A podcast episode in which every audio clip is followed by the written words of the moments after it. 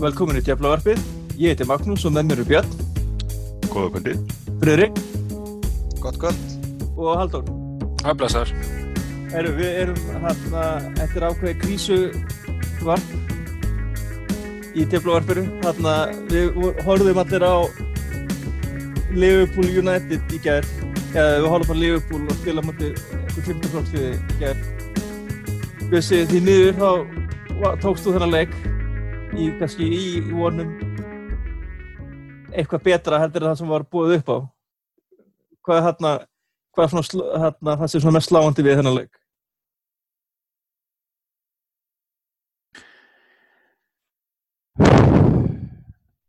Herðu, já. Þetta segir allt. Uh, ég, já, ég maður er náttúrulega bara hálfsögur, sko. Að það var mest sláandi er það, að ég, sko, ég var ekki per se ónaður með liðsumstillinguna. Ég bjóst alveg við þessu. Uh, ég hef engar meiri lausnir en Jose Mourinho á stöðunni.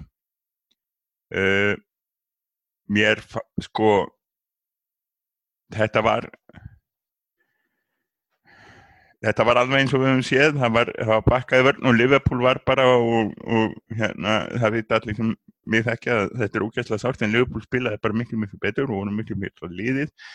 Uh, góður punktur sem einhver var með á Twitter eða margir reyndar að, að hérna það náttúrulega er í sjálfu sér og, og ég fjallaði um uppbytunni sko, sóknir á Liverpool er flott og, og vörni hefði með rosa fín og, og hérna markvörn er gríðarlega góðu markmaður þó að það hafi verið mjög skemmtilegt að sjá hann gera þessi mistök.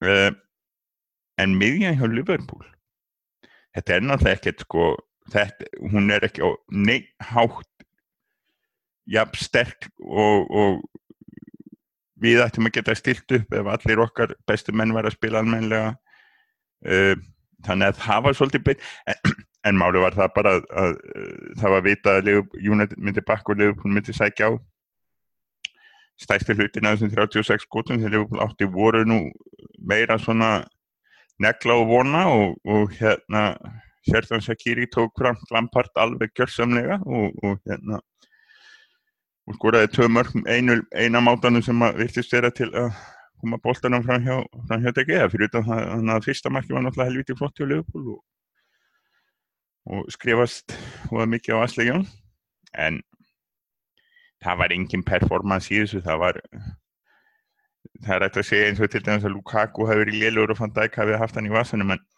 það er ekkert hægt að gera þegar að, þegar að það er engi, ekkert upp á spil og ekkert að gerast.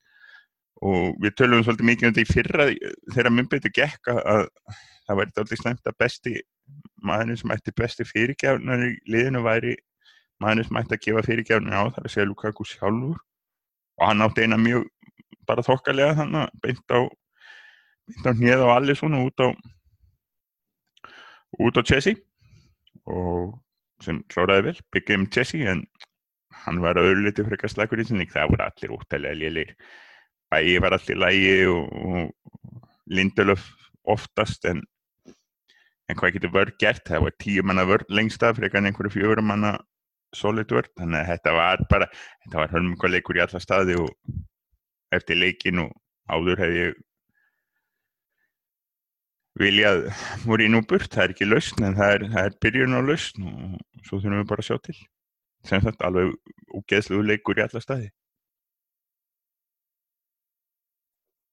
Já, ég er mitt hérna, var einmitt að spjalla með Runólu vinn okkar sem fær hérna minnst á hann hérna sem ég reyna að gera yfirleitt þegar hann er ekki með. En hérna, ég var einmitt að tala um hérna Jesse Lingard því að við erum flest allir eh, mjög hrifnir af Jesse og hann áður til að skora fín mörg en, en hérna mér fannst hann alveg ofskaplega slag, slagur í ger og þá sérstaklega setnafleik, hann var hérna í tvígang það, þegar hann er komin í góð, góða stöðu hérna bara rétt við kantinn og, og bara glata fyrirgjöf bara aftur fyrir í bara í mjög góður stöðu. Og svo hérna aðeins setna í, hálfleiknum og þá hérna er þeir að spila upp saman hann og Lukaku og svo á hann skota eitthvað lengst yfir. Þannig að mér, mér finnst hann vera mér, hann er svolítið nani. Veist, hann getur skora flott mörg og svona verið fýtt, en svo getur hann líka verið alveg skjálfilegur á milli. og ég var að reyna hérna, svona áðan við fyrir í spurningar frá eitthvað sem er að hlusta að hérna við hérna við gerðum graf fyrir ekkert svo lengur síðan bjössi, hérna með og með leik með græna, gula og rauða. Við vorum með hérna fastamenn mega verið hóp og rauðir átt að fara.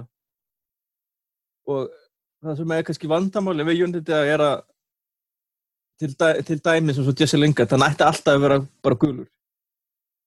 Alltaf í hóp en ekki endilega byrjunamaður. Já, hann er bara, hann er bara, veist, eins og við þykjum vænt um hann hann er bara ekki mjög góð til að vera byrjunamaður í liði sem að ætlar, ætlar að keppa við Liverpool og Manchester City og Chelsea og Arsenal eins og staðar, eins og hérna og Tottenham Hann væri reyndar, sko, hann er eh, eins og ég held að það er reyndar sagt í gær líka þegar við vorum að fjalla um þetta hérna, hann væri rosa fýtt sko í betra liði.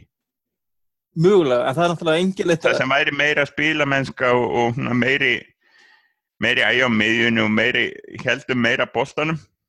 Ég held að, ég meina hann var, hann er ágættum mennska landslíðinu til dæmis sko.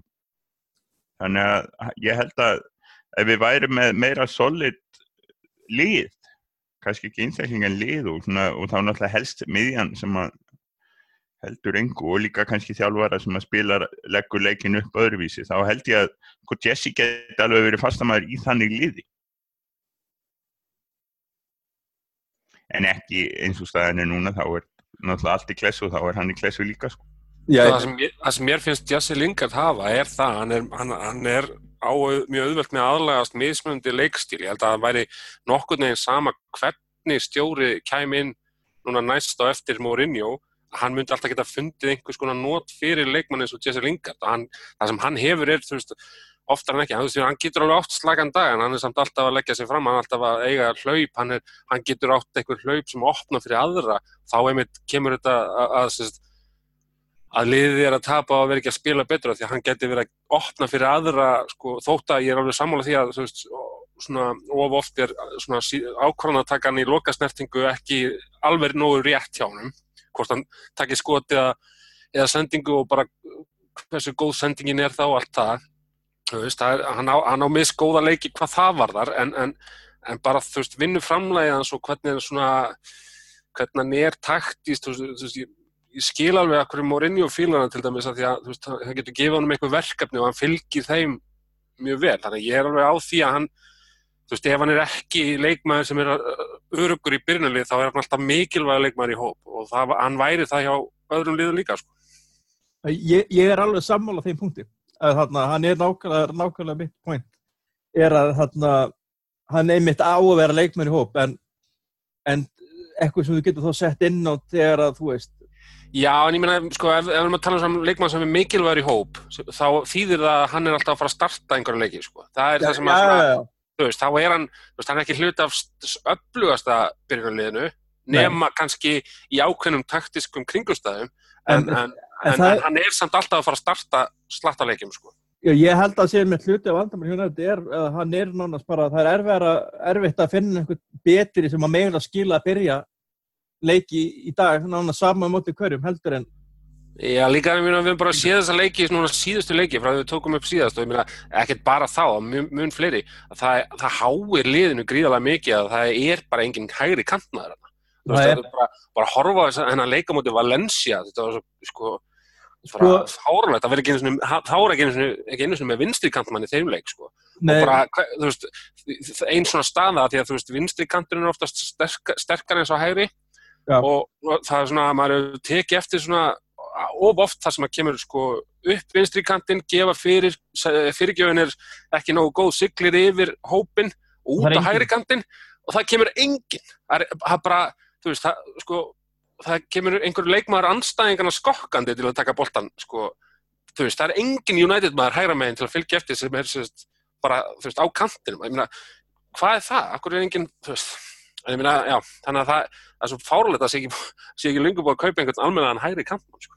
ég meina hérna, ég myndi sá þessum daginn, það er í rauninni engin alveg kantmar í liðinu, hvort, þú veist, við erum alltaf með, með bara raun, rauninni bara strækjara hérna sem er svona, svona Já, make- en ég meina, en- en þú ert- Já, en þú ert samt með leikmenn sem hafa alveg sínt að þeir geta átt frábæra leikja þetta vinstramenn og það er jafnvel of margir a- af svoleiðisleikmennum en þú ert ekki með neitt sem er einhvern veginn svona En eigna ein- sér hæ- hægri kantinn sko. meira sér þótt að væri einhver örfættur sem köttaði inn og, og væri þá auka veist, eh, það er ekki einu svona neitt svoleiðis. Nei, það er rétt. Og hérna, og ekki eru bakverðinu, er helst Dalot og ég meina Diogo Dalot var, veist, hann var svolítið spes hvernig hann var notaður hann í fyrirlegnum mútið Liverpool, hann var oft bara eins og í markinu, þá var hann bara orðin fremsti maður, hægra meginn ég, ég skildi ekki alveg hérna af hverju hérna af hverju hann var til tekið út af? Tekin út af, ég, ég, held, ég held að hafi bara verið til að þjætta miðuna, hann, ég held að hann hafi ekkert verið að standa sig eitthvað á, ábyrjandi illa, sko. Nei, Ég held að hann hafi að hann hafi gert nákvæmlega það sem hann átti að gera, að fara fram. Að Nei, hann ég, ég, er að segja það sko því að það, Já, já, það, það, það fór öll óknin hægra megin eftir að hann fór út af. Ég, skil, ég, ég er sammála því, sko, ég held að hann hafi átt að gera þetta að vera detta inn í fimmina línu í vörn en vera í rauninni winger frammi þegar United var í sókni. Það, þú veist, það bara köttaðist á þetta og, þú veist, kannski... en, en mér varst Young, að því Young var ekki góðan leik? Nei, ég tala ekki um, tala ekki um að hann byrja að haldra tveim hundum eftir skiptinguna eða hvað það var sko. Einmitt, einmitt. Nei, nei, Það var- er sammála því, sko. sko ég er alveg samanlega fannst mjög skrítið, mér, ég er setja Darmian út sko á kantinn. Það var frekar júsleis, hann hefði bara átt að frekar að taka Darmian út af Daló var, Daló var fínn í leiknum sko. En þetta er, ég meina hægri kantinn þetta er búið að vera vandamál frá því í fyrra sko. Þetta var vandamál allan síðasta vetur og Þetta er búið að það er vera vandamál núna og þetta er búið að vera vandamál bara nána síðan að Ronaldo fór. já það ekki. En allavega, þetta var Já, ég við erum, við erum, en, eins og við segjum, við erum með, við erum með dálítið mikið af leikmönnum sem að væru fínir sem sko ell eftir maður í liði. Tólti, en nei, ell eftir. Sko, sem þetta þau væri með flott lið og svo væri ell eftir maðurinn væri kannski ekki aðeins sko á sama level. Eins og til dæmis lingar sko hérna þannig að hérna, þessi leikmenn sem eru alltaf í hóp en, en hérna en ekki alltaf í byrjunarlið það er, það er aðeins svo mikið af þeim og það er það, er það sama að var í fyrra og það er það sama við núna og, og það er það sama við varnamennina sko eins og við við töluðum um að hérna, það er sama úst, þegar að aðri leikmenn er að hérna, tala um það eða stuðningsmenn annar að liða er að tala um það hérna, hvað við höfum eitt miklu varnamenn þá erum við að yfirleitt eða einhvern 30 miljónum sem Samúri og Ferdinand kostaði sko fyrir 16 árum. Þannig að við erum að kaupa of mikið af svo leiðis og vonast til að þeir verði sem sagt, 60 miljónum menn. Þetta er bara það þetta Já, er ég- tala nú ekki með eins og það Leopold eru með sko, það er ekki svo vörnum þeirra að hafa verið ókipis Nei, alls ekki, ég meina það er allt í lagi að kaupa. Bara, Nei, nei, alls ekki, nei, bara þú veist Mm. er þegar fólk er eitthvað annar að þessu styrminn eitthvað vælega í þú veist, það það er annað en kannski olíufussarnir hérna í, í bláa hlutunum af borginni sem eru þú veist, að svindla fairplay og svona og allt það, mér finnst það nærtækara því að þeir náttúrulega að því að Pep Eid kaupir kannski varnarlinu á 200 miljonir og svo er hún ekki alveg virka þá er hann 150 í viðbót. Til að fá Það var alltaf bara skýrast að dæmi með markmannin hjá þeim með það að gera. Já, Já, til, já, já, já, og bara, og bara miðverðina, ég meina, hvað er hann með marga bara, sko, mögulega heimsklassa mið, miðverði þarna sem hann er með, sem komast bara ekki í byrjunlið. Þannig að, já, já, þetta er áhugaverð, við við tekið þessum umræðum með liðið svo sem áður, það er ekki, þetta er ekki ægilega nýtt. Nei, og svo það er líka, rétt, sko, það er hægt að segja United er búið að eyða svo, svo mörgum miljónum en hluta vandanum er náttúrulega að sjá að það eru sko þrýr framkvæmtastjórar búin að gera þetta. Já, og þeir hafa all, allir þessi leikmenn hafa passað mismunandi vel eða illin í liði og, og svo er það ekki þetta að koma að sjá því að, að tveir dýrustu leikmennun okkar eru ekki að performera. Nei, bara langt undir getu það er að kosta okkur svolítið mikið. Og meina, ég kom inn að með Lukaku og hafi verið á þungur og svo náttúrulega viðkenda hann sjálfur að hann hefði komið alltaf þungur inn í, og massa er hérna inn í tímbilið eins og við erum búin að tala um, og sem að skilja sér niður, en mér finnst það samt bara vera, veit ekki, mér, mér finnst eitthvað meina svo hann hafi verið duglegur að hlaupa og koma sér í færi og eitthvað meina elda, þá var hann sé hérna næst í rángstæð hérna eitthvað skiptið að það vantar, þú veist, það, þú veist En það er náttúrulega, þú veist, eh, kannski bara sýstur, bara, þú veist, einkennindi bara fyrir liðið, það, það vantar þetta að auka. Þú veist, ég, vantar man, ekki bara svona Ég vil ekki neista.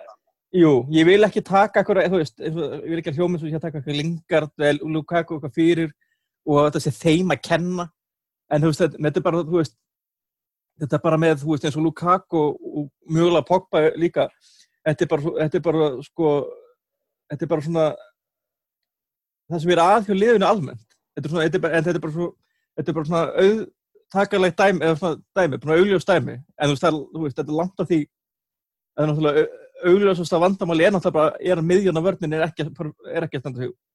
Og Gea er, er ekki með þess að kraftaverka vörslu sem var með í fyrra sem að myndi útskýra gaf, gaf bara algjörlega ranga mynd af hversu góð vörni var. Það er ekki 13 mörg sko í þessu blessaði XG dæmi sem hann hafi bjargað, Já, eitthvað svo leið sko. Alisson er víst með, með 6 núna sem er helviti gott. En vantar ekki bara, veist, alvöru leiðtoga hjá okkur sem er, veist, manni finnst einhvern veginn eins og það sé engin liðsheild hjá okkur. Það er ekki, veist, maður er ekki að sjá að þetta sé lið. Það við erum svo oft að eiga einhverjar, við erum ekki að sjá nema örfáa sinnum í leik, leikjum, bara stöku sinnum, eitthvað svona venjulegt alvöru þrýðningaspil. Þegar það er verið að pressa okkur og, veist, maður sér þetta einhvern veginn, sá þetta aðeins í, í leiknum, hérna, fúlhamleiknum, einu sinni kannski í liðupúlleiknum og ég horfður reyndar ekkert mikið á Valencia leikin, en það er svona eins og liði, auðvitað getur spila miklu, miklu betri bolta, en það er eins og að vanti svolítið svona drifkraftin, að vanti leiðtúar sem að, veist, þjættir liðið saman, því að þetta eins og, veist, eins og fyrir leik, liðupúlleikin, ég horfði á miðjuna þeirra og bara, ok, kannski verður, veist, kannski á Matins bara eftir að hafa auðvelt að, lúk út fyrir að vera alveg ennþá í topp formi að veist, þetta, á blaði þá leytið þetta ekkert rosalega spennandi út fannst mér. En Það var- er, bara, er það ekki bara vandamáli, er, er sko, uh, væri ekki bara stóra uppvæslan, uppgreitið í þessu liði væri við maður í staðin fyrir Matic. býða, býða með þetta, ég hérna þetta kemur inn á, við erum, erum með, með spurningu sem að kemur aðeins inn á þetta, þá getum við hérna bara, ég, spurning hvort við höfum bara reynuninni hella okkur í, dempa okkur í spurningar og hérna og hérna ég er mjög ánægð með að fengum hellinga spurningum bæði á Twitter og Facebook og bara, ég þakka bara innilega fyrir það, mjög gaman að fá svona góða viðtökur, það er kannski líka margar spurningar þegar eftir svona framistuðu á, á móti þessum mótherja. Og þarna en spurningin sem mér langar að byrja með er hérna frá Ívar Daniels á Facebook. Og hann spyr hérna hvað þarf að gera svo að Móri veri látið fara? Hérna ég er eina sem ég hef út að setja ég er ekki hérna út á orðið Móri ég er hérna Jose eða, eða bara Mourinho en hvað þarf að gera svo hann verið að láta fara og alveg uppbygging í þessu stað og er síðan réttir manni verkið og svo þriði partin er hvernig stendur því að Móri til þess að geta haft Martial og Pogba á bekknum svona stórleik og hérna við kannski byrjum bara fyrsta partinum og bjöð sig þú ákvæður í að fá að svara vel. Þetta þarf að vera starffræðilega ómögulegt að komast í meistaradeildin á næsta ári. Vegna þess að annars kostar það 20 miljónir pund að reka Mourinho en eftir það þá kostar það einhverjar 5. Og þannig er það nú bara. Uh, Siggi P. á í kommenti á hérna síðunni eftir Liv- uh, ég held í uppbytunni fyrir leifupleikin nei, maður er búin að rekna það út að, að hérna leikurinn gegn Watford sem er skráður sunnudaginn nei, lögadaginn 30. mars og verður þá vantanlega kannski sunnudaginn hérna 31. mars að eftir þann leik þá reiknaði hann út að þá, það væri leikurinn þegar við erum sem sagt, værum endilega búin að missa fjóruðsætinu þannig að hérna við bara getum sett byrtingu sett hérna skedjulera byrtingu á Mourinho Rekin greininni 1. april er það ekki bara sko þetta Hvar, er, hvar fjast þessan töluna 20 og svo 5 miljónir? uh, af Twitter Nei, það er einhverjar tölur, það, eru, það munar einhverjum miljónum og, og hérna. Það kom, skiptir ekki öllu máli, sko. það kom nefnilega grein í dag, kom grein í Ok. dag frá, frá vinn okkar Duncan Castles sem að sem ætti að vita allt. kannast aðeins við Mourinho og hann sagði, sangat honum það var að 24 miljónir punta ef að þú veist, að hann er reyginn þegar liðið er ennþá í meistradildinni eða á sjans á meistradildinni gegnum dildina en það kostar sérst fyrir nýður í 18 miljón pund ef hann er utan meistradildar og kemst ekki, liðið kemst sérst ekki í meistradildina. Þannig að munar aðna 6 miljónum punda sem er hvað, krátfönda það bara á íslensku United síðunni sko. Hvað segir Ha. Ég held við getum krátfönda það bara með, með samskotunum á meðal íslenskra stuðningsmanna. það? 600 miljónir íslenskar ekki, ja, 900. Það var ekki vandamáli. Ég held að... Nei, sko, nei, en, já, ég veit það ekki, en, en þetta er krónískt vandamál, þetta er þetta króníska vandamál, sko, sem að byrjaði strax með Moyes, þetta United is not a sacking club, United rekur ekki við framkvæmtastjórnuna, sko, við rákum McInnes sem var meiri United maður heldur en sko næst í allir aðrir framkvæmtastjórar efer fyrir utan spilandi stjóran hérna Clarence Hilditch 1929-30 cirka. Uh, við rákum Franco Farrell og við gáum þeim hvorum sko þann, þann séns sem að það var eitthvað eitt og hálft ár sem hvor fekk sem að var velundi meðaltalið þess tíma 69-73 þannig að United dregur alveg framkvæmtastjóra en, en ég veit ekki sko við höfum held ég flestir alltaf varið Mourinho svona meira eða minna út af ímsum mismunandi ástæðum sko. En og við tölum örgulega meira um öll hínum vandamálum eftir en en það verður bara reykan uh, varðandi Pogba og Marcel ef ég má. Pogba getur ekki spilað fyrir Jose Mourinho og þá getur Jose Mourinho ekki valið hann. Það er bara svo einfalt, Jose er ennþá framkvæmtastjórinn og hann getur ekki valið leikmenn sem maður vilja ekki spila fyrir sko kannski eina einn ástæðan til að reyka Mourinho það er ekki, það er kannski þannig Ég, ég er með ein, einu spurningu, hérna, bara, hluti, bara til þín, Bjössi. Að því ég var einmitt að hugsa þetta, hérna, þegar að, ef, ef að, þú veist, við, jú, ko- kostar kannski eitthvað að reka Mourinho á þannig að starffræðilega ómögulegt að ná meðstöldasæti. En ef, að, ef, við- leggjum dæmið upp, hvor er mikilvægileg fyrir markasetninguna með endur sem reyndið sem vörumerki, Paul Pogba eða Jose Mourinho? er það ekki frekar auðljóst? Og ég meina, meina það er Pól Pogba, það lítur bara að vera e, e, heldur, e, ef við getum ekki Pól Pogba til að spila annarlega fyrir United, þá er það sko 20 miljóna Ég segi það sko, þannig, þannig að ef að, ef að, ef, að máli er einfallega bara Pogba eða Mourinho, er það ekki þó bara Pogba sem að er svona með bara hvernig útvart er að stjórnum sér líða, því það er ekki, ekki fótboltin sem er að stýra ákvönatöku, hérna, þetta er að vera allt miðast af auglýsingasölum og, og svona markasmálum og, og ef er staðina þannig eins og núna bara að Pogba vill bara fara strax og, og er bara á bekknum er það ekki bara, bara nokkuð gefið að þú veist, ég meina Ef spurningin er bara um þessar 6 miljónir sem það munar, þá held ég að það sé bara þú veist, ekki spurning sko.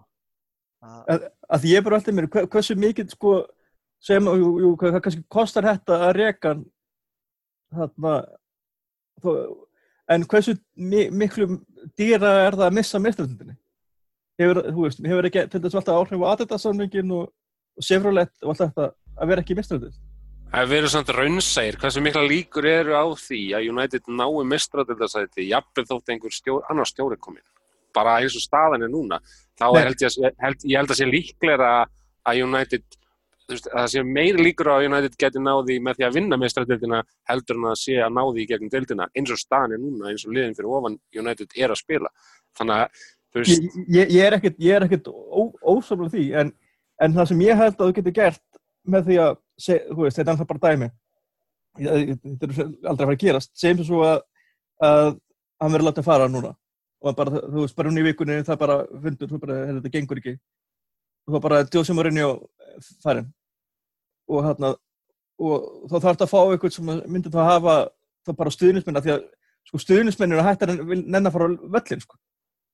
Þú veist, þetta farið að mín, þú veist, og það er ekki einhver verra að selja miða. Þannig þannig ég setti því fannig bara, láta bara bött og karrik eða bara taka við þessu út tíðanbilið og, og kom bara með alvöru ráningu sumar. Þá ertu allan, þá er liðið allan með eitthvað gúttvill frá stuðnismennum, af því að það fer langa leið. Já, já, ég, ég held, mér finnst þetta, sko, ég hef aldrei skilið fótbollstastjórnuna hliðina hjá klúnum. Ég hef skilið hana stundum út frá peningahliðinni, vegna að ég skil peningahliðina. En eh, eins og ég segir, ákveðar núna þá skil ég þetta ekki alveg. En hérna ef við megum, hann spurði um síðan, þannig að ég má kannski, við megum kannski koma aðeins inn og mögulega Jú, stjóra. bara ö- örstuðt og tökum smá pásu Sítan, já, já, það væri bara, jú, jú, það verður ágætt að fá Sítan, hann er óreindur í því að taka við brotnu liði, en jú, það væri, og líka lo- rosa flónt namn, það væri líka æðislegt að fá Pochettino ef við getum. En ég vil bara stinga upp á hugmyndinni að hérna, fá Róikín, sko ekki að, þú veist, Róikín er vonlu framkvæmtastjóri, kjörsanna, en bara fá Róikín þannig inn til að, sko, kveikja alla þá elda sem hægt er að kveikja og brenna allt á henni við fyrir að byggja upp er það ekki? það, það, er- þetta er ekki vestu hugmynd ég hef heyrt Nei, það væri líklega að- að að ráða David Moyes eða ekki.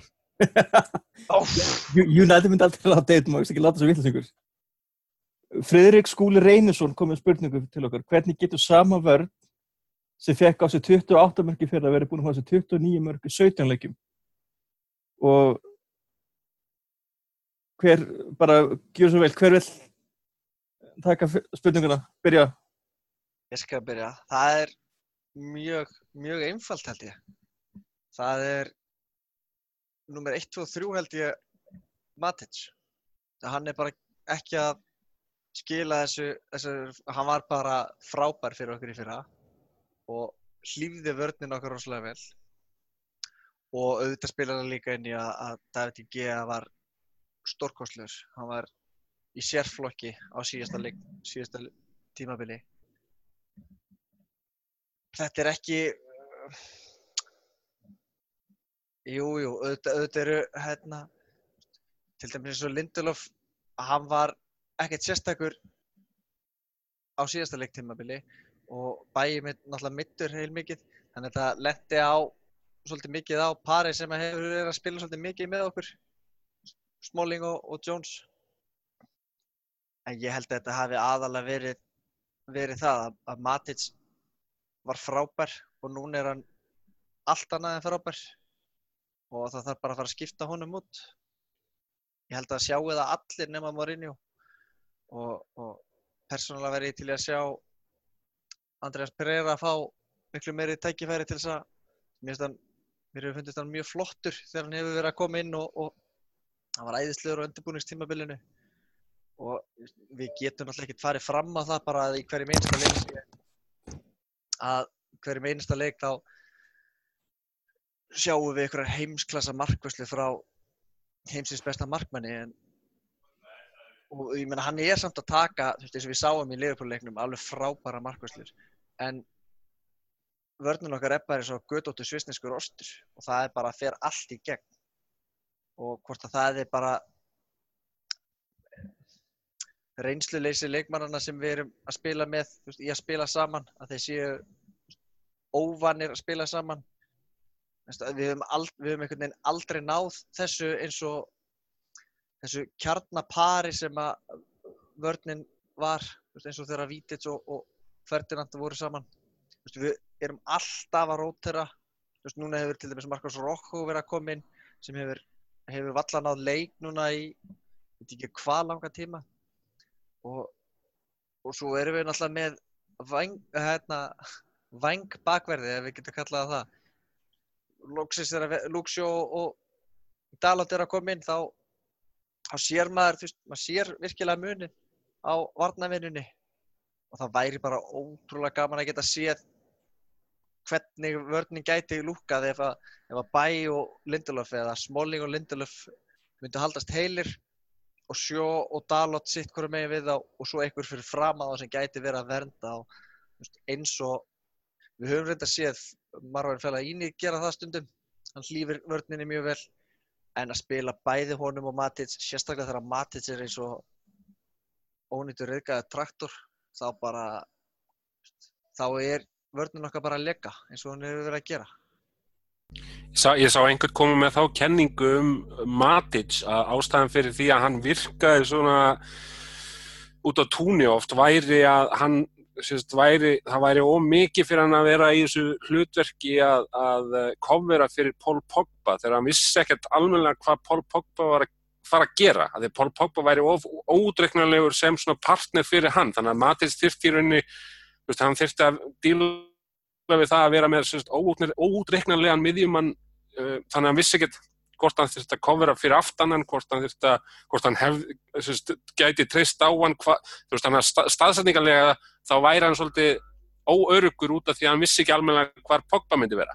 En það er svo sem, þú veist, hann hefur ekki þá afsökun til dæmis eins og í leiknum á mútið Liverpool og við höfum alveg séðan eiga einstaklega góðan leiki, að það er svona spurning hvort að það, þeir leikir það sem hann hefur staðið sér hvað best upp á síðgasti, hvort að þeir eigi það sammeilegt að Pogba hafi ekki verið með, ég veit það ekki, en en hann er samt, ég meina, hann veist, samt sem áður, þá þú veist, mér finnst þetta svona þú veist, allt í lagi kenning þegar ég heyrði hana fyrst mögulega útskýra eitthvað en alls ekki, alls ekki allt og, og hérna þeim varðandi vörnina ég sá einhver staðar, það var einhver að tala um tölfræðina með DG mér finnst það svolítið verið blásið úr úr samhengi, þetta sé svolítið íkt þessi, þessi umræðum það að hann sé eitthvað alveg ríkalegur núna í ár með að við hvernig hann hefur verið. Ég held að það sé aðalega það eins og núna, þú veist, færin sem hann er að fá þessi núna versus færin sem hann fekk á sig fyrra eru miklu nær markinu. Það er bara, þú veist, þú getur bara skoðað kortið við það og séð það að vörninn er að fá á sig, er að sleppin uh, færum, þú veist, hann er ekkert að verja það mikið minna hlutfastlega af boltum sem eru svona af þessu færi sem að komi mest á hann. Eða bara hlutfastlega miða við lengt frá marki er hann að verja með söpa, hann er bara að fá þessi miklu miklu fleiri færi nær markinu. Og það er náttúrulega eðlilegt að, að markmenn verji minna Eftir- færum þar. Já, já. eftir sem hann nær, já. Þannig að þetta er, þetta er aðalega það að vörnin er, er í rauninu bara að hleypa leikmannum anstæðingana of, of nálaðt markinu með færin. Það er, það svo- er Svo er eitthvað annað vandamál, bara, að, sko ekki bara maður, bara eins og Gary Neville kom inn á eftir leikinni í gær, þetta United bara getur ekki spilað fótbolta. Þetta með þessi með, og það geta, einmitt geta ekki sett ég tekið á móti sendingum. Þetta er með ólíkindum. það er einmitt spurning sko hvort að það sé þá hvort það sé að því að þú veist, Mourinho hefur, hefur alveg talað um það á tímabilinu að að, að, að liði sé að reyna að þú veist, að því ég held að hann hafi verið að spila svolítið mikið þannig í fyrra til dæmis að hann hafi verið, hann hafi verið að verja vörðina meira, að, að bara uppsetningin á liðinu þú veist, það má kalla þetta rútið eða whatever, en það, bara uppsetningin á liðinu hafi verið hugsuð þannig að hún ætti að verja vörðina meira en hún er að gera núna. Og þá hafi hugsunin verið með því að liðið ætti þá, þú veist, þegar þú ert að verja vörðina meira, minna seg að þú ætti þá að vera að spila meira í fótbolta, en það er bara ekki að gerast. Og það er, það er náttúrulega gríðlega mikið áhyggjafni, því að, en samt sem aður, ég meina, þú veist, liðið er að skora, veist, þokkalega, þokkalegasta magna af mörgum eins og í dildinni, en það Já. er bara þessi mörg liðið er að fá sig sem er bara, er bara fáránlega tala, sko. Munar ekki hvað, tóttunum skora tveim mörgum meira heldur við. Já, eitthvað svoleiðis. Það, var, ég meina, það er ekkert langt síðan að Liverpool hefur búið að rikja svolítið frá núna en það er ekkert langt síðan að Liverpool var bara einmitt með einu, tveimur mörgum meira þú veist, en, en, en þú veist meina, það- er samt allt annað. Ég, meina, ég er ekki að segja að United sé eitthvað nálægt í að vera gott, jafn gott og Liverpool af því að þú veist, fyrir nokkrum, nokkrum umfyrum var Liverpool bara búið að skora, skora aðeins meira. Þetta er, náttúrulega fótbolti snýst ekkert bara um að skora mörg og Nei, og það sýstum hérna- að, að fá ekki á sig í staðin. Já, þetta er bara, bara staðrind að þú veist, eins og við vorum að tala um um daginn þú veist, engin leikur er auðveldur, þetta er alveg fárlegt það er bara, allt verður einhvern veginn challenge og allt verður erfitt og, og, Þa, það, það er nákvæmlega sama við hvað, veist, ég var ekki svona, sko, ég var bjóstu öllu fyrir fúlnamleikin, sko. Já, ég meina maður er alls ekkert öryggur fyrir Cardiff sko, bara, sko, ef Aron Einar verður bara í stuði, þá bara verður miðjan okkar í vandræðum, sko, þetta er bara þannig sko. staðan á þessu liði er bara í dag að það er bara, það er allt erfitt. Og það er bara, veist það er bara ekki ásættalegt það, þú verður að geta stólað á, eitthvað, innan gæsar upp á auðveldara leiki Já, já, algjörlega. Þetta er Manchester United. Þetta, við erum ekki sko við, við erum ekki hérna Cardiff, við, við erum ekki Southampton. Þú veist, það, hver einasti leikur á ekki að vera lífsröður en þú þú ert sennilega með skoðun á þessu? Já, já, ég sko eh, mér fannst svolítið af því að Haldur var að tala um að stiðja vörnina og nú voru nú voru við á Anfield í gerð með tíu manna vörn. Og hérna það voru sem sagt sex leikmenn að reyna að stiðja vörnina. Og reyndar það gekk víst, skotin hjá Liverpool voru aðeins langt skot og, og hérna það var ekkit rosalega þó að þeir væri að spila opbóðslega flottana fyrir framann og stundum inn í teig þá var þeir yfirleitt stoppað af einum af þessum tíu en þetta er eins og Friðrik sagði áðan sko að einn stærsti munurinn er Matit sko hann meira að segja að það það breytist ekkit í sumar það, var, það breytist í fyrra í kringu janúar februar sko. Hann var frábær fram í janúar februar myndi ekki segja, var ekki hérna cirka þá. Þá fórum við að sjá að hann var orðin þreyttur og og, er já, bara, og var að spila hálf meittur og eitthvað sko. já, já. Ég bara ég held að stærsta, eins og ég sagði hann víst, og, og, svo, og svo er náttúrulega það sem að hérna er að og, og, við verðum svo við, við erum alveg sammála held í allir um það að við kennum basically öllum um stöðu mála í, í klubnum frá eigandum og niður úr. En, en Mourinho verður eiginlega eiga það að attitúti í liðinu er ekki einhvern veginn nógu aggressíft. Ég hérna Nei, hann tala líka eftir þennan leik, þú kannski, vilt kannski minnast á það, hérna, að hann tala bara svolítið eins og að liðið hafi verið að gefa sér allt og, og, og það það, var bara ekki þannig að það hefði bara ekki verið nógu góð og þetta, það þú var veist, bara ekki þannig þetta hljómaði bara eins og David Moyes. Þetta er bara, na- svona, þú veist, þetta bara, við værum bara, værum bara litli, litlu strákarnir eitthvað og og þetta, allir reyndi svo að gátu, eitthvað, bla bla bla. Af því að það, það virka ekki þannig fyrir mér. Ekki þegar Nei, nei, nei maður sér það líka, þú veist, þegar allir eru, veist, að gefa sig 100% fram. Veist, þá getur maður alveg tekið svona 3-1 tapi bara á svona, ok, en allavega, þú veist, þeir voru síndu bara til vilja frá, þú veist, fyrstu mínúti. Sko, er, er, það er, er það vitt að sem er, hö- höfum við séð þannig framistu frá þessu liði síðan að við unnum á á sísta Mm, aldrei meira heldur en í 45 mínútur á þessu tímabili. og valla það. Það er, ro, er rosalega skrítið þetta liðurist aldrei geta að byrja almennilega eða átt bara, no, þú veist, Newcastle-leikurinn, sennáleikurinn Setni hálfleikurinn í Newcastle-leiknum var þannig. Já. Það er búin að vera svona, hann var bara gaf, þú veist, það hefði kannski verið betra, þú veist, ég ætla ég, ég, ég, ekki að hljóma eins og þessu gaur sem vill bara liði tapi til að losna á stjóran. Ef maður lík, með, bara miður hvernig staðan er og hvernig, bara tím, að þróast, hefði mögulega verið betra bara að tapa þeim leik í staðan fyrir að fá eitthvað svona falska dögun, hérna, trekk í trekk. Af því ég var, Ég held að skipta einhver máli upp á það hvort hann verður rekin við sjáum það, ef hann verður ekki rekin í þessari viku þá verður hann ekki rekin sko fyrir en 30. mars Mars. eða hvernig það er en, en ég meina, er hann að fara að fá að kaupa leikmenn í janúar? Nei, Er, er, eða, er, er, er, er Woodward að fara að kaupa leikmenn í janúar? Bútort geti fyrir að kaupa leikmenn í janúar af því að e- eina leginn sem ég sé til að reyna að fá eitthvað úr þessu tímpili, við, hérna, við komum að sinna á hann og hérna, það var reyndar hérna, er reyndar spurning hérna, gegn, hérna, spurning hvort við fyrir bara í næstu spurningu reynilega og það, það er að kemur svona hann kemur hérna með hérna, Anton Fannar spyr hérna, hvað er að frétta, eigum við vona breytingum til góðs í janúar? Sko, ég nei er eiginlega það sem ég held en ég kannski snúum spurningum upp í bara hvað, þú veist þú veist, við erum náttúrulega við erum kannski sammála að það vantar, það vantar svona 5-6 leikmenn í þetta lið auðvitað en svona það sem ég, ég held að ég, eftir að ég byrja, ég, byrja þess, þetta svar að það, það sem ég myndi vilja sjá í janúar til að reyna að fá, þú veist, reyna að bjarga einhverju eða reyna að laga eitthvað það er miðverður og mér, að- þú veist, það má vera 30 ára þess vegna, skilur, ef hann bara er leiðtúi og, og get, þá getur hann spila með Lindelöf eða Smalling og svona og haldið aga hann í vörninni. Varnatengilur nýjan. Veist, ég held að bara, það er bara sorry, það er bara hreinlega vantar. Og hérna Mattis má bara fá þú veist, fyrir, hann getur ekki verið að spila þú veist, ég meina maðurinn hlýtur að vera þreyttur. Við, við vorum að tala um Sanchez ekkert um hann hafi spilað hvað, þú veist, við ekki hvað marga mánu eru eða svo kvíld það er eitthvað seipað með Mattis. Og, og hæri kammar ég, veist, ég, þessa, þessa þrjár þessi þrjú kaup og svo kannski gæti liðka fyrir að við kannski losum okkur við Sanchez. Og ég er ansið þetta að Pereira eigi ekki framtíð í þessu liði meðan að Mourinho er með það. Þannig að þetta er svona leikum sem ég geti séð fara núna í, í janúar.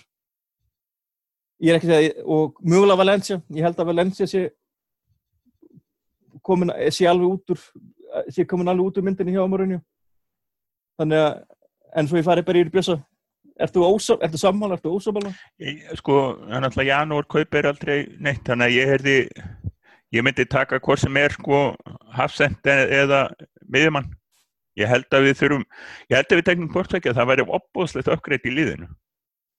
Það, væri, það myndi bara alveg ángrín breyta alveg, sko,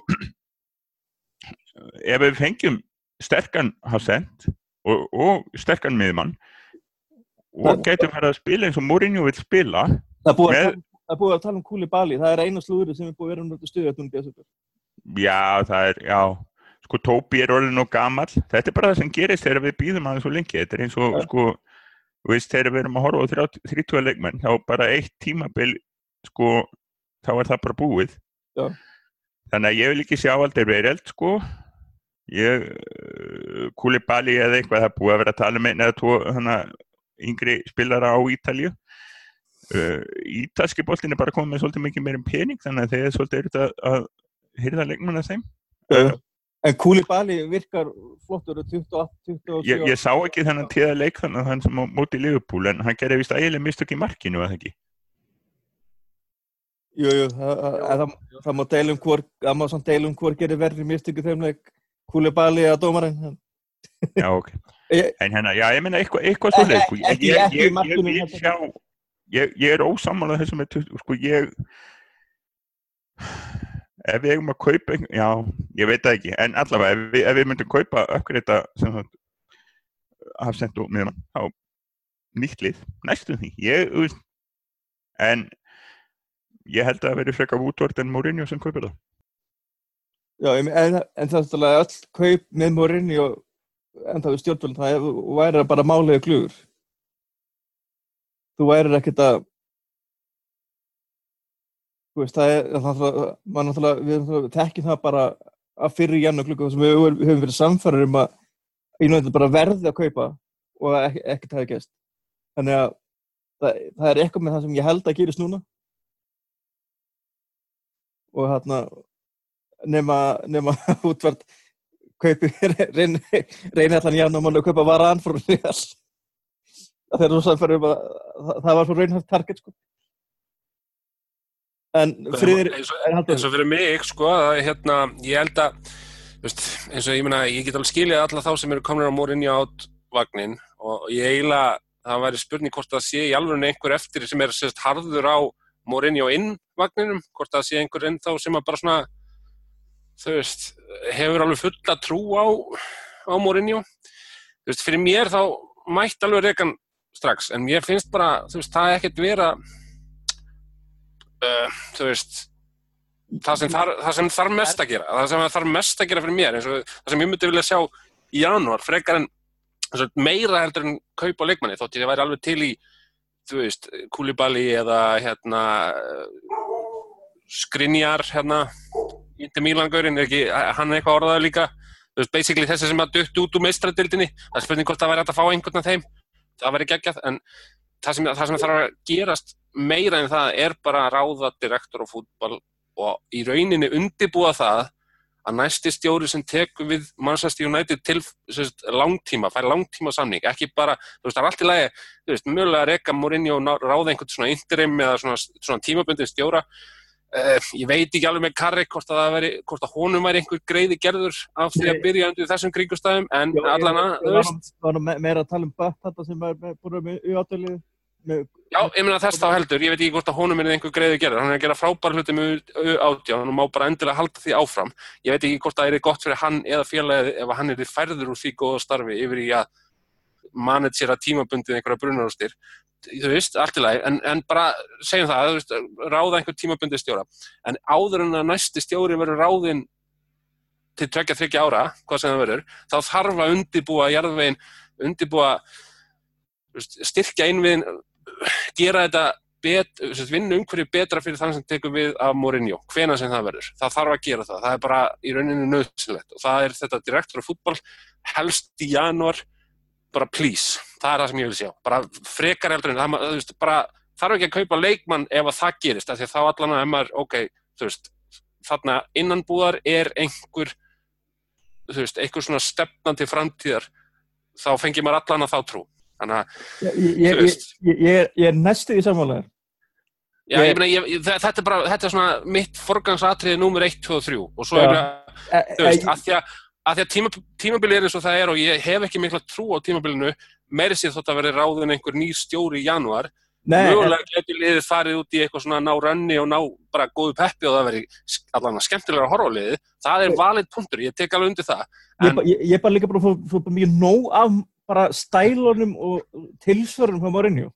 já, já, mér finnst Það- reyndar oft, mér finnst hann reyndar oft hafa rétt fyrir sér, og já. það sem að sagði um eftir liðupúleikin eins og með meðslasöguna þú veist, hvað í fokking anskotanum er í gangi með þessi fokking meðsli þetta hefur verið síðan, þú veist eiginlega áður en að Ferguson var að hætta sko. það er bara, þú veist, reyndar náttúrulega já, síðasta tímabili mögulega náðan einhverju rönni bara en, Alltaf, það er engin- Þetta er alltaf sögum meðlindir. Það er alltaf sögum Já. meðlindir. Það ætti ekki að koma inn um óvart. nei en, ég meina, þú veist það, það, ég meina, og svo koma leikmenn inn og þeir eru meðslagerðni, ég meina Rokko kemur inn, hann dettur í meðsli þú veist, er þetta bara sömu leikmennir eða er þetta eitthvað í er þetta æfingarnar, er þetta æfingarsvæðið hvað, hvað er í gangi, ég veit það ekki veist, Þetta er allavega- er þetta stórt vandamál. að. Ég held þetta hljóta að vera eitthvað vandamál. En þetta, en þetta eru undir, sko, þetta eru nýjir þjálfarar að sjá um þetta. Ég meina, þetta hlýt, er það æfingarsvæðið? Er æfingarsvæðið svona hart eða? Var ekki ráðir einhver conditioning þjálfari alveg sem átti alveg sérstaklega að koma í veg fyrir þetta? Æ, ég veit ekki, sko, en, en ég er alveg samanlega haldóri að, að hérna, það væri, sko, direktor úr fútból. Ég, sko, það er spurning hvort að Mourinho myndi bara, veist, er að gútera það að segja, sko, að þessi direktor úr fútból er að koma núna inn og þú þarft eiginlega ekkert að vita af honum, hann, hann er bara þannig til að vera sko undirbúa þar næsta stjóri eða eitthvað, sko, þú ert með samning út eitthvað tvö ár og, og hérna sko þú færð að ráða en hann sko kemur bara inn til að vera til frambúða, ég veit ekki, myndi, ég veit ekki hvort meina, Það það, er eina af ástæðinu fyrir að ég myndi vilja reka Mourinho og er svo að, að það annars eftir bara með Deadman Walking hérna í stólnum.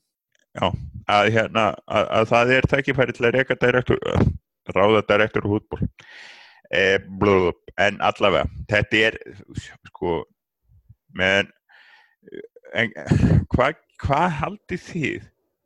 En að segja, þið vita alveg hvað ég held. Hvað haldið þið að Woodward er tilbúin að gefa mikið af sínum völdum og sko sínu svona sko ég er big man og ég ætla að díla við gaurana og ég ætla að kaupa leikmenn. Hvað er hann tilbúin að gefa mikið af því upp í hendurnar á direktor og fútból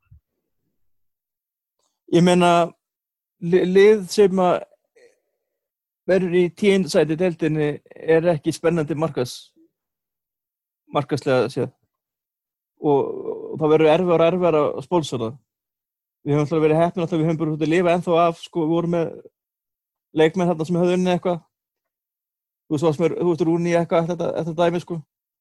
En ef við erum að fara að horfa á sko tímbil í sjönda, áttunda seti og þú veist, leiðilegt að horfa á það. Þú veist ég veit ekki, ég hérna e- ef hann ef hann er og hann segist sagðist fyrir einhverju viðtölu, það var að tala um hvað, hvað hann væri mikið United fan. Ef hann er það í raun og veru þá, veist, þá hlýtur hann að sjá að, að veist, hann hlýtur að sjá þetta, hann hlýtur að, hann hlýtur að skilja sín eigin takmark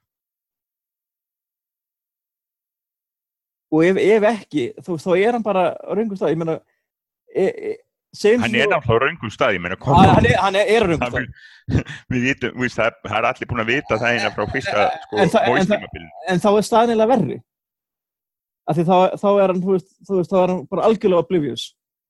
Þú veist, ó, þú veist utan það að vera vannhægur en hann það, það sem ég, ég held sko, ég meina, ok, jú, kannski veit hann haldið þessu völd hann og vera hann big man hann on campus og allt það.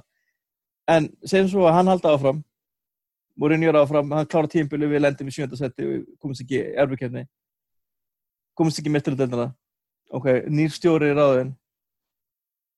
Náðum við lendum í fymta seti og, og, og svo fara með þess á einhverju tímúti þá er bara hver, hver er sponsor að miðlumst ennslið þú veist við, við fyrir, fyrir að sjá bara sko Jóma eða eitthvað þarna treyjur eða eitthvað álíka Ég, sko, ég veit ekki með það, ég meina, eða, eða erriða já, en ég meina, þú veist, það er náttúrulega þetta, þetta, þetta þessi staða sem að United hefur byggt sig upp, sko, að þú sér það til dæmis eins og hvað Liverpool lifði lengi og hefur lifað lengi á uh, glóri í dögunum, sko, þú veist, á nýjunda áratögnum og allt það. en þeir átti, átti, þeir átti ekki krónu fyrir bara þeir, Nei, ég er bara, ég er bara að tala um fanbase, ég er bara að tala um fanbase, sko. uh, en, En, ég, það en, er náttúrulega öðru þessi heimi núna, en ég er bara að tala um, ég held að, þú veist, uh, það verður alltaf, það verður alltaf uh, mikilvægt vörumerki og, og svona, ver- verða alltaf fyrirtæki til, sem vilja tengja sig við félagið, sko, en auðvitað náttúrulega mun taka dífu væntarlega, þú veist, að, í svona nýjum aðdáðundum og það mun alveg hafa áhrif á markaðin, sko, það er alveg, alveg þú veist, en, en það verður ekki þannig að, United þarf að endi í einhverju svona, þú veist, sports direct drasli, sko. nei, nei, en ég er að segja skilur á einhver tímúti fer þetta að skaða markas áhrif, eða markas stöðu liðsins Já, já, að einhverju leiti, alveg 100%. en, þarna, en það er kannski líka kannski beint við þarna, talandum þarna, komist inn á, komið inn á útvart og, og þá sem að eru yfir honum og þá þarna fekk ég aðra spurningu sem ég fekk hérna, hérna í skilabóðum á, á, á Facebook frá Hallmæri Tomsen Reymasinni og hann spyr Sælir, er eitthvað til í því að Gleisa sé að reyna að selja klubin er náttúrulega, eins og þau kannski tekið eftir þá komið sögursatnir í dag um það að ástæð fyrir að Gleisarnir eru, eru ekki að sinna liðinu og eru ekki, að gera þetta er að, að þeir séu að reyna að selja klubin og það er náttúrulega verið slúður við höfum komið inn á það fyrr í þessu podcasti að þarna að einhverju, það voru einhverju sátar orðaði við það að kaupa liðið.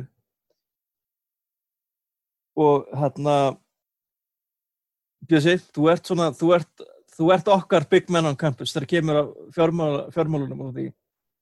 Ég ætla bara langar að gefa þig bara á þig. Er, hvað segir, heldur þessi eitthvað tíli þegar gleysir þessi að reyna að selja klubbin sko það, það sem hefur svolítið verið inn í þeirri umröðu er það að þeir eru að horfa daldi mikið langtíma.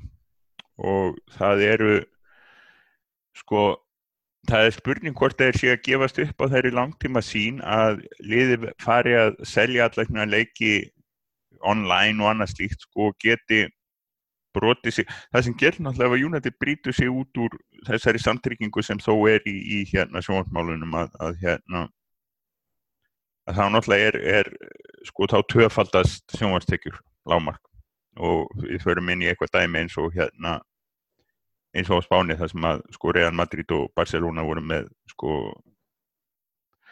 sexinum að herri tekjur en önnulið og ég held að já vel sko ég, mín, mín hugssjón er svo að sko liðin ætti að geta selt ásmið á leiki. Það færi bara allir peningar í púk og það er það áfram deilt út sæmilega jæmt sko en ég held að svoleiðis hlutir sko þú getur keift sem að þú veist ef þú hefðir áhuga þá, þá getur keift United leikin alla og svo einhvern hérna svo einhvern stórleikja pakka sko.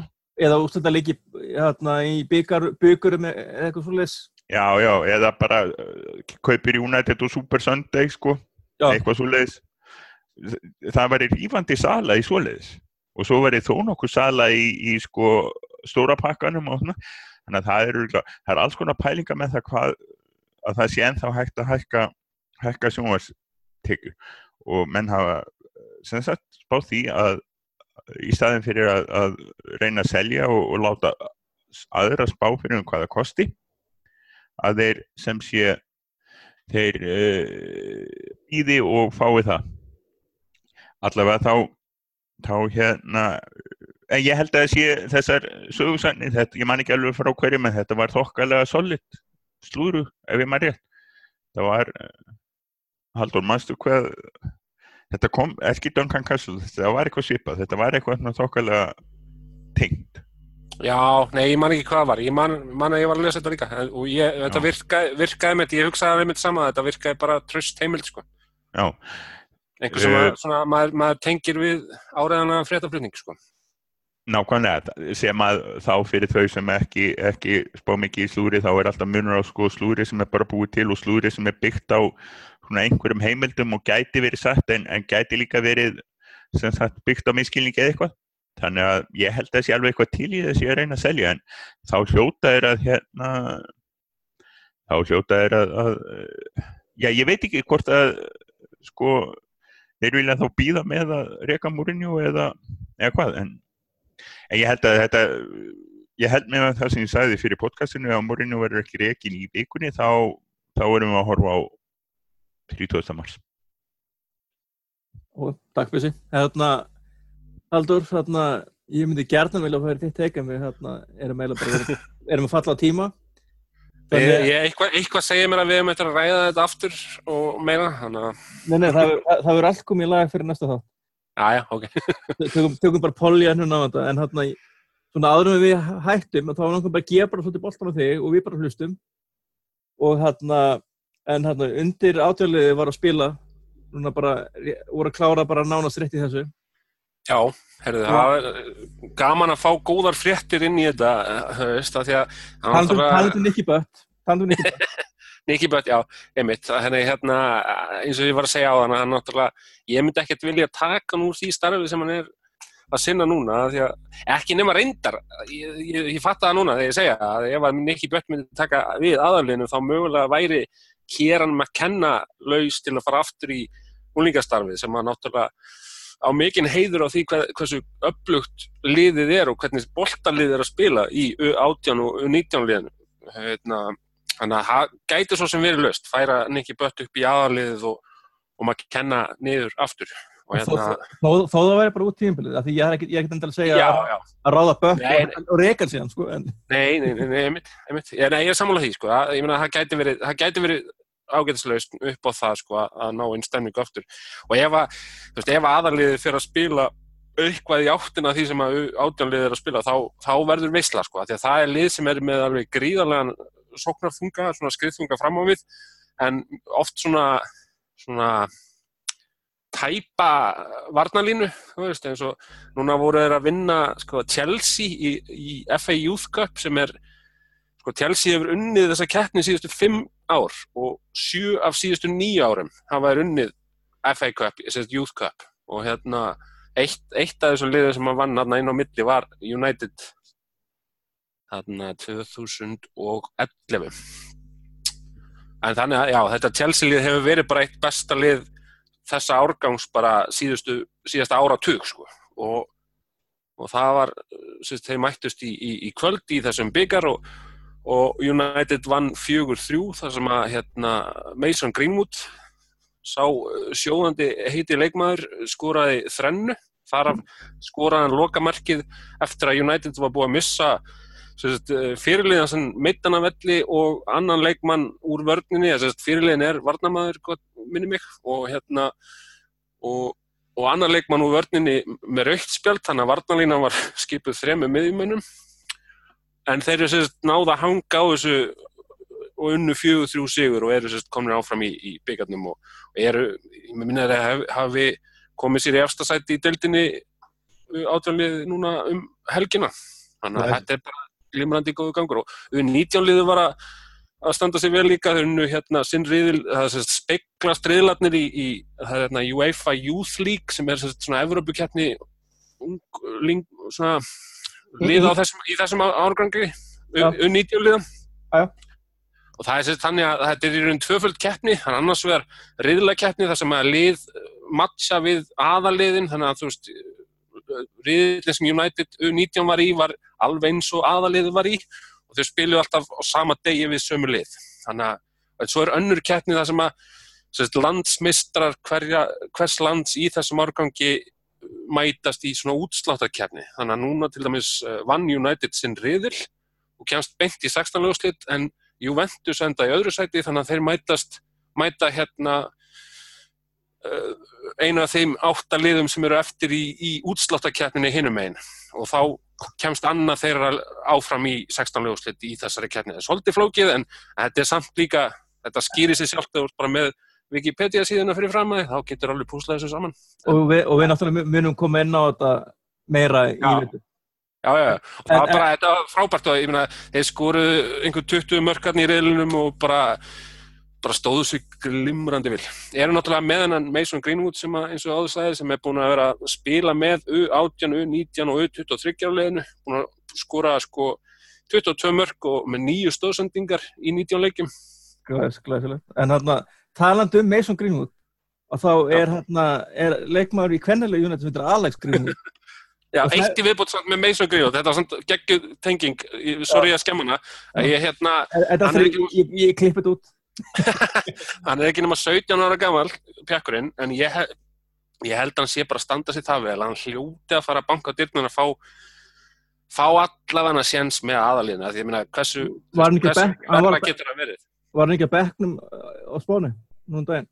Jú, hann fór með að vara bekknum og hérna, það var frábært að sjá en ég meina, þú veist, hann kan ekki bara henda honum inn í lið, ég meina, hann skorar bara þegar hann lappa fram hjá fótboltavelli, þannig að það er bara, þú veist, og hann líka, það sem að menn voru að tala um eins og í leiknum í dag, þá, eða í kvöld, sko, þá voru að tala um ekki bara, hann, væri, hann, ekki, hann er ekki bara markaskorei, hann er bara, hans vinnuframlag er til fyrirmyndar og hann er bara varnarvinnan hans var, veist, hann var, hún var svo góð að, að ég sá tíst frá, frá stuðnismanni Chelsea sem talaði sérstaklega um það bara hversu frábær hann hefði verið sérstaklega eftir að United var lendið sérst manni undir bara hvernig vand, hversu gríðarlega góð varnavinna hjá honum. Þannig að hann, þú veist, þetta er efni, við höfum alveg séð efni áður en þetta er, það er, þú veist það er erfitt að vera ekki mjög spenntu fyrir þessum sko. Ok, þá Ég held bara, við þurfum að býða ég held við þurfum að býða eitt ára eftir honum. Um, ef, einhverjir, ef við sjáum einhverja núna í vetur þá verður það líklega Tahith Chong. Það verður gaman að sjá Greenwood jafnvel með liðin. sem að gæti spila. núna í hægri kantinum, hann Chong það er þetta mjög góð punktur, hann er líka uh, mjög sprækur mjög hann þarf að buffa sig aðeins upp. Já, aðeins. þetta er, það er Við, við verðum að hafa, Lukaku stærðir á þeim en, en við, þeir eru aðeins og litlar og til dæmis sko við, við verðum að hafa einn með svona crazy mikið hár. Þannig að Fellaini Já, Angel Gómez er líka sko held ég á undan Greenwood í, í röðinni. Já. eitthvað það að fá alvöru sjensa en við sjáum til að það eru það er byggja keppninu núna eftir En, en hann að því, því miður höfum við ekki tíma til að rétt nema að fara í úslitin hjá kvennilegunu Haldur, þannig að þú hefur eina hálfa mjöndu, svo vel. Já, bara þetta er, þú veist, hvernalið er á topnum í, í deildinni og, og hérna vann sinn riðil í deildabyggarnum sem að innihjalt fimm lið og þar að tvö úr, úr efstu deildinni. Þannig að það er frábært og þeir eru komin áfram hana í de- deildabyggarnum og efstar núna um áramótin það, það spilað næst 7. janúar í deildinni svo bara fyrir FA Cup í gang líka þeim megin þannig að þetta verður bara mjög spennandi að fylgjast með þeim á, á nýju ári Glæsilegt. Herðu, hann að strákar, takk fyrir samfyruna. Þetta var, þetta var, ég vil bara meina að þetta hafi verið græðandi stund. og við þetta fengi, fengum allir svona, svona útrás fyrir þarna þarna gremjun eftir leikin í ger og, og Já, já. við, við reynum að vera með ykkur eins fljótlega við getum það fyrir eftir Það verður jóla, jóla, jólapodcast bara eða áramót ánótlega eitthvað. Það- eitt mitt í jól og nýjárs eftir við erum búin að vinna Cardiff og Huddersfield og allt er rosi aftur Já, já, mikið rétt, mikið rétt, mikið rétt. Og hérna, og þá verður þetta ekki lengra. Það sinni, takk. Yes, Takk, takk.